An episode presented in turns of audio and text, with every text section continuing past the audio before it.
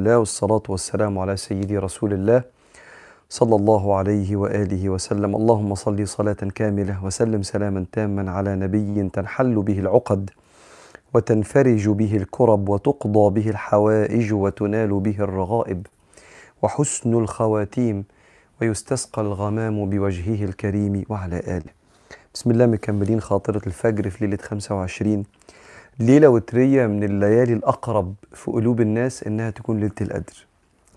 ليلة كلها إن شاء الله سكينة وسلام سلام هي حتى مطلع الفجر. لو أنت بتتفرج دلوقتي معانا فإحنا في حلقة ذكر.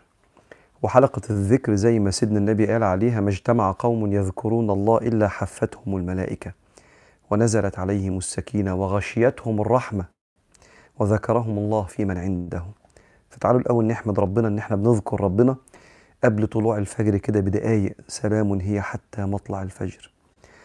النهاردة سيدنا ابن عطاء الله بيقول لك كلام يريح قلبك ويحذرك في نفس الوقت. قال الإمام الكبير تاج الدين أحمد ابن عطاء الله السكندري رحمه الله ونفعنا الله بعلومه وعلومكم في الدارين آمين.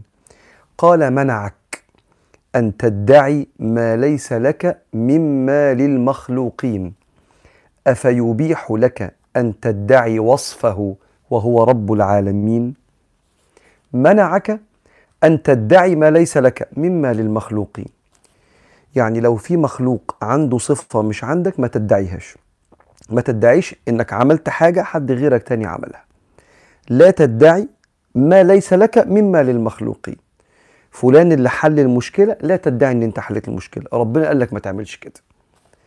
أفيبيح لك أن تدعي وصفه وهو رب العالمين؟ بقى اللي قال لك ما تدعيش حاجة أنت ما عملتهاش البشر بيعرفوا يعملوها. يسمح لك تدعي وصف ربنا إنك بتعمل الحاجات اللي ربنا بيعملها؟ إيه معنى الحكمة؟ معنى الحكمة ما تنساش أنت مين؟ أنت عبد وهو رب. فأنت مش بترزق حد. فلما تكرم حد بصدقة أو تساعده ما تمنش عليه عشان ده ما كانش أنت ده كان ربنا. يا أيها الذين آمنوا لا تبطلوا صدقاتكم بالمن والأذى لأني لما أقول لك أنا اللي انتشلتك من الضياع وأنا اللي وقفت جنبك لأ هو الحقيقة اللي ساعده كان ربنا عن طريقي. فربنا عمل لي قيمة وشرفني إنه سمح لي أساعد حد من عباده كده كده ربنا هيساعده. فكون إن ربنا ساعده عن طريقي فده عمل لي قيمة وخلى وقتي ليه قيمة وخلى ميزان حسناتي تقيل فما اجيش أقول للبني آدم ده أنا عملت لك لأن العمل عمل ربنا لا تدعي وصف الله ولا عمل الله. والموضوع ده برضه بيريحك عارف ليه؟ لأنك أنت مش هادي. ربنا بيقول لسيدنا النبي إنك لا تهدي من أحببت. وقال له في آية تانية وإنك لا تهدي إلى صراط مستقيم. فسموا الهداية اللي النبي بيهديها وأنت ممكن تعملها هداية الإرشاد. بتقول فأنتوا بتقول عيالكم صلوا يا عيال بتقول لصاحبك بلاش مش عارف الحاجة الغلط اللي بتعملها. لكن إنك لا تهدي القلب. ممكن تهدي هداية الإرشاد أما هداية الفعل والإعانة بتاعت ربنا. فما تزعلش. ليه ما تزعلش؟ أنت مش ربنا. فلو قلت الواحد بتحبه على حاجة تقربه من ربنا أو تصلح حاله وما عملهاش ما تزعلش. لأنك أنت مش الهادي الهادي هو ربنا. إنك لا تهدي من أحببت. فلا تدعي وصف رب العالمين. أنا كان نفسي أكون سبب في هداية سبب. سبب في هدايته. فالحكمة فيها تحذير وفيها طبطبة. لأن كتير من الأوقات ما الإنسان بيحبط لما يسعى لرزق والباب ما يتفتحش. فيتهم نفسه بالتقصير وهو سعى. لا ما هو أنت مش الرزاق. فبيقول لك منعك أن تدعي ما ليس لك مما للمخلوقين اللي المخلوقين بيعرفوا يعملوه لا تدعي لو ما عملتوش. أفيبيح لك أن تدعي وصفه الرزاق؟ اللي بيفتح الأبواب اللي بيسهل الأمور اللي بيسر كل عسير. أنت عليك السعي استريح. لا تدعي وصفه وهو رب العالمين. فاعمل اللي عليك وسيب النتيجة الله يخلقها. حتى الدكتور اللي حاول يساعد العيان وشخص له الدواء وعمل له العملية وما نجحتش لست الشافي. انت خدت بالأسباب وحطيت كل خبرتك في التشخيص وفي العملية. الشافي هو الله. لو ربنا كتب الشفاء هيحصل ما كتبش. عملت اللي عليك. هتعمل إيه أكتر من كده؟ علشان كده بيقول لك إيه بقى؟ خد بالك اوعى تعمل ربنا لأنك أنت مش ربنا. لا تدعي وصفه أنا اللي رزقت وأنا اللي نجيتك وأنا مش هرحمك. منعك أن تدعي ما ليس لك مما للمخلوقين.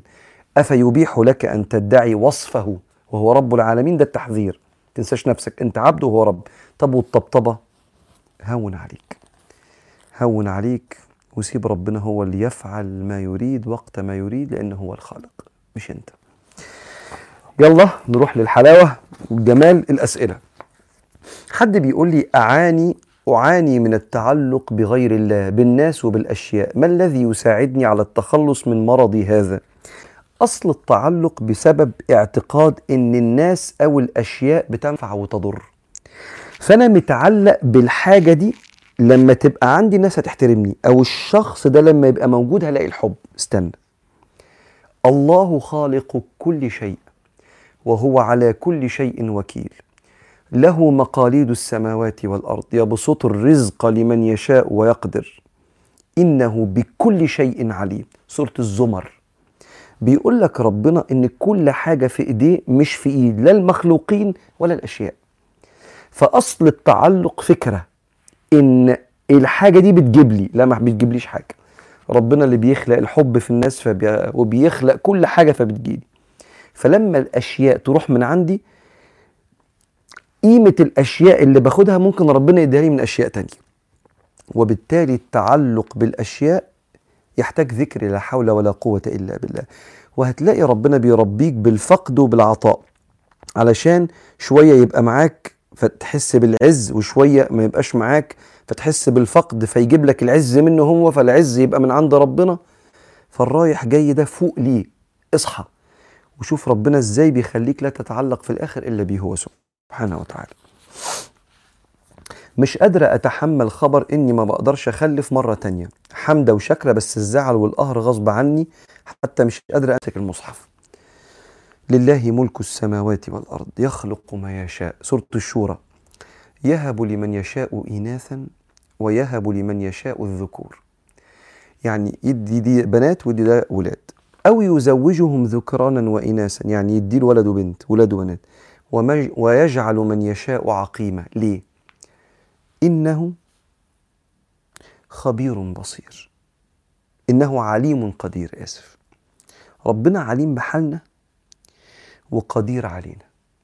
لأنه عليم بحالنا بيعمل الأنفع علينا. مش دايما الخلفة هي الأنسب. طب مين اللي يقول الأنسب؟ أنا عايز عيال أفرح بيهم. ممكن تيجي العيال وتشقي. طب ما يجيب لي عيال ويفرحني بيهم يقف هنا العقل. ويسلم أمره الملك الملوك. ازعلي حقك إنسان بيتوجع لكن اسمحي لقلبك أن يشاهد حكمة الله ويشاهد رحمة الله في المنع. وإذا فتح لك باب الفهم في المنع عاد المنع عين العطاء.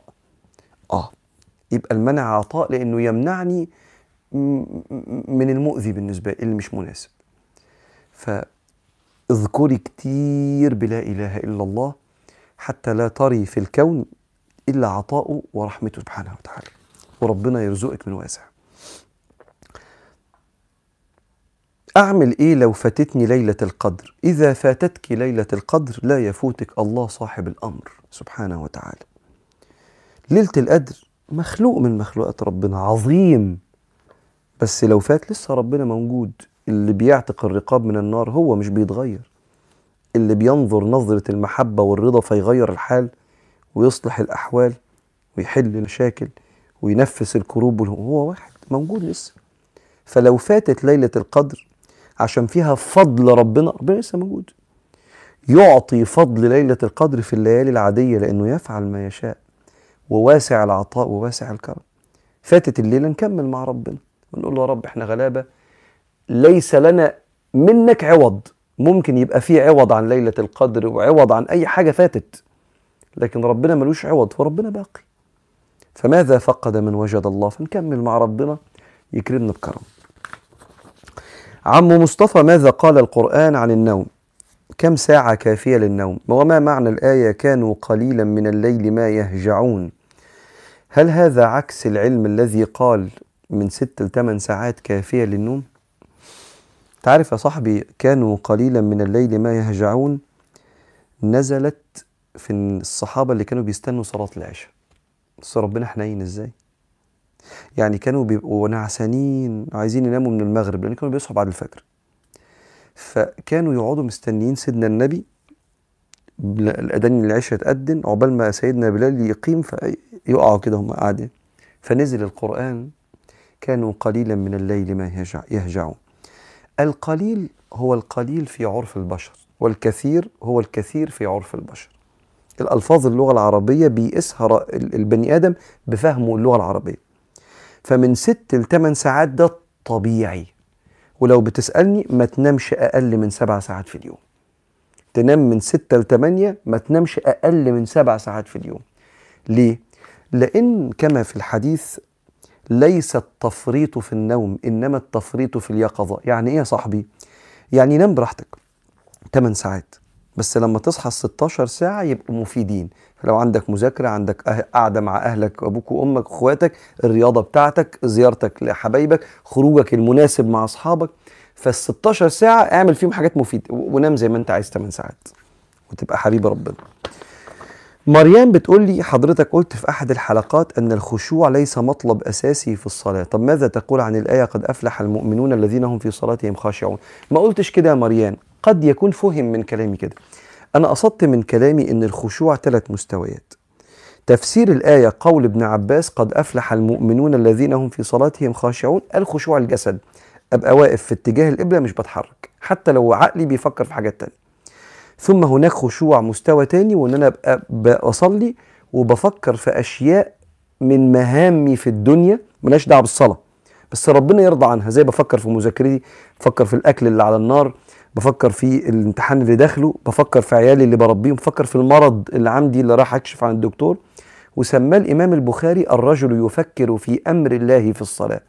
وقام جايب الأثر بتاع سيدنا عمر إني لأجهز الجيش وأنا في الصلاة. رئيس دولة حاكم ملك عنده حرب بعد الصلاة فبيفكر جوه الصلاة في الحرب اللي مسيطرة عليه سيدنا عمر بن الخطاب. فكان بيفكر في حاجة من دوره في الحياة فده خشوع. المستوى الثالث من الخشوع أن تفكر في الله وفي الآيات وده أحلى حاجة. لو أنا افتكرت الآخر ده اللي هو فكر في ربنا والآيات ده بس الخشوع؟ لأ. في خشوع أفكر في أمر ربنا وفي خشوع أبقى ثابت بجسمي بس. والتلاتة اسمهم خشوع مع اختلاف مستوياتهم. ده القصد يا مريان لما كنتش عبرت أنا تعبير المناسب.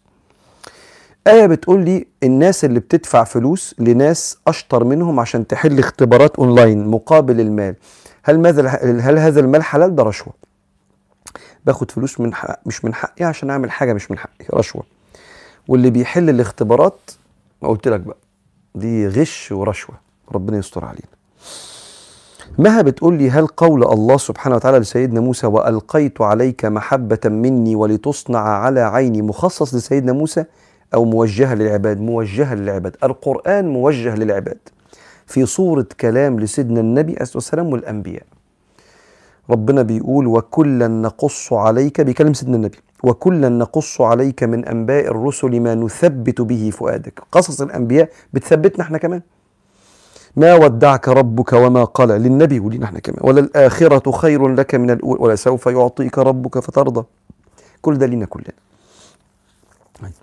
أمل بتقول لي ماذا تفعل البنت اللي عدت سن الجواز؟ والكل بيسألها أنت ما اتجوزتيش ليه خصوصا إذا كان السائل شخص كبير في السن. ورأت نظرة شفقة من الناس لأنها كبرت. ويدعوا لها بطريقة كأنها ناقصة أو عجزة جرحونا لدرجة صرت بستخبى من الناس. ربنا يكون في عونك يا أمل. من الذكاء الاجتماعي اللي هو من حسن الخلق يعني إن الإنسان ما يسألش أسئلة تشعر الإنسان إن في حاجة فايتاه. تقولي بس أنا بطمن عليه. أيوه ما أنت لما سألتني أنا حسيت بالنقص. فده مش طمأنينة. ده ليس ده النبي يقول عليه الصلاة والسلام من حسن إسلام المرء تركه ما لا يعنيه. عشان كده إحنا لما بنسأل الناس على الصلاة بقول له على فكرة العصر قدم ما بقولوش صليت ولا لأ. كده هعوده على الكذب. صليت الفجر النهارده؟ دعيت النهارده وأنت بتفطر؟ لأ. طب أنا بطمن عليه بفكره. ما هو عدى خلاص. يشعره بالنقص. وبالتالي لما أقول لواحد أخبار الجواز إيه؟ أعمل إيه طيب؟ يعني أخبار الجواز إيه؟ أو تقول مثلا بدور على عريس. تقول مثلا نفسي والله ألاقي حد يحبني. تقول مثلا والله ما حد جالي لغاية دلوقتي. هتقول إيه طيب؟ فدي أسئلة بتشعر الإنسان بالعجز والنقص زي ما حضرتك تفضلت يا امل فأنا بقول للكرام ما حدش يسأل عن الجواز. حتى لو بالكلمة اللطيفة بتاعت مش هنفرح بقى فأنا أشعر بالإحباط إني مش قادر أفرحك. وبالذات لما تتسأل طب لما تتسأل الولاد مزعجة بس على الأقل الولد يعرف يدور على عروسة ويكلم الناس. البنات ما تعرفش تعمل كده. طب هتعملي أنت إيه يا أمل؟ لما حد يقول لك إيه أخبار الجواز؟ طبعا انت ممكن تبصي بصة كده وتسكتي ويعني هتعمل ما يسعفكيش الكلام. فتقولي للشخص ده الله أعلم. ودي وكده إيه أخبار الجواز؟ الله أعلم. ادعي لنا. تقولي لا مش عايزه يدعي لي. ما, ما ده مش عايز حد يشفق عليه خلاص. قولي والله أعلم. إيه أخبار الجواز؟ لسه. يعني والله العظيم أسئلة إجابتها صعبة. ربنا يكون في عونك يا أمل والله. ما هي حدود الرؤية الشرعية وقت الخطوبة للبنت المحجبة؟ البنت المحجبة لا يظهر منها إلا الوجه والكفين وعند الأحناف ظاهر القدم. فلما يشوفها العريس ما بيشوفش شعرها بيشوف وجهها وكفها وظاهر القدم. ده حدود الرؤية. آه سؤال حلو سؤال صعب بس حلو. حضرتك بتقول إن مفاتن البنت غالية. طول عمري نفسي أفهم ليه ربنا خلى البنت عندها مفاتن لازم تغطيها من الولاد والولاد لا. هو أصلا ربنا أمر الرجاله بالحشمة كمان وإن هم يستروا عورته لكن أراد ربنا وشاء ربنا إن الراجل ربنا يميزه حاجة بحاجة في جسمه خصائص مرتبطة بالقوة وعلى اساسها يبقى فيه مسؤولية. وخلق الست عندها الجمال الراجل فيه الجلال الست عندها الجمال. وقال للست استخدمي جلال الرجل باحترام فلما يشتغل ويتعب قدري تعب جسمه وعقله في إن هو بيشتغل عشان الرزق. وقال للراجل احترم جمال المرأة فلا تنظر ليها فقط إن هي جسم وشهوة. احترم جمالها وقدر جمالها وقدر عقلها مش بس تبقى بالنسبة لك جسم. فطلب من الراجل يحترم جمال الست وطلب من الست تحترم مجهود الراجل. وخلق الست فيها الجمال وخلق الراجل فيه الجلال. خلقة ربنا. فربنا ياخد بإيدينا ويصلح أحوالنا. هل الزهد في الدنيا مطلوب وإزاي أوصل له؟ الزهد هو أن تملك ولا تملك. فأنت ممكن تبقى موسع على نفسك قوي بس الحاجة دي مش بتملكك. فأنت عندك قدرة إنك تسيب الفسحة الحلوة دي وتروح تصلي. أنت زاهد. يا عم خارج في قشك حتة في البلد زاهد. لأنه ساب قشك حتة وراح صلى لما الأذان قد يبقى عندك فلوس كتير ربنا موسع عليك وده اختيار ربنا إنك تبقى غني. لكن عندك قدرة تطلع من الفلوس دي وتنفقها في سبيل الله بسهولة جدا جدا. وتطلع الغالي والرخيص أنت زاهد. وممكن واحد ما يبقاش عنده حاجة وما يبقاش زاهد. ليه؟ لأنه طامع باصص في إيد الناس متضايق إن الناس معاهم معهوش. فيبقى عنده تشوف يعني شره وهو ما عندوش. فكان سيدنا أبو بكر يقول اللهم وسع احفظ احفظ الدعاء ده. اللهم وسع علي في الدنيا وزهدني فيها.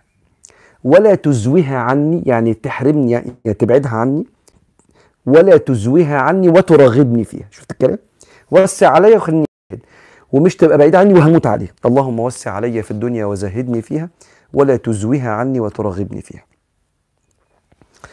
عفاف بتقول لي كل الأبواب حرفيا اتقفلت في وشي وتسرب جوايا إحساس إني مش متشافة. ربنا شايفك يا عفاف وكفى بالله. وكفى بالله. وهقول لك حاجة يا عفاف راجعيها. يمكن يمكن.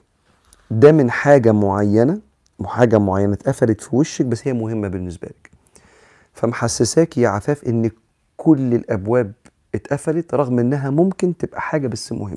بقول لك أنا ما أعرفش ممكن الكلام ده مش صح يعني بس ممكن تبقى حاجة أو حاجتين بس بقيت جوانب حياتك فيهم ألطاف ربنا.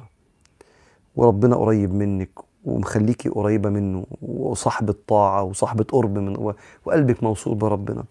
فيكفي إن باب ربنا مش مش مقفول في وشك. وهقول لك كلمة تزوديها على السؤال. إلى الآن كل الأبواب مقفولة في وشي إلى الآن. يعني ممكن بكرة تبات نار تصبح رماد. بإذن من ربنا بكون فيكون. فادعي كتير وربنا يجعل الآية المفترجة دي عفاف سبب في تفريج كل كرباتك بسم الله الرحمن الرحيم. والحمد لله والصلاة والسلام على سيدنا رسول الله. اللهم اغفر لنا ذنوبنا وإسرافنا في أمرنا. وثبت على حبك وخدمة عبادك أقدامنا. وانصرنا على أنفسنا. اللهم اغفر لنا الذنوب والكبائر والصغائر. اغفر لنا الكبائر والصغائر. اللهم إنك عفو تحب العفو فاعف عنا. اللهم أبكي عيوننا من خشيتك. اللهم أبكي عيوننا من خشيتك. ورقق قلوبنا لحبك. وعلمنا علما نافعا وحسن أخلاقنا مع الناس. مع تمام الستر واللطف والعافية منك يا رب. وصل اللهم وسلم وبارك على سيدنا محمد والحمد لله رب العالمين. نشوفكم بكرة على خير إن شاء الله.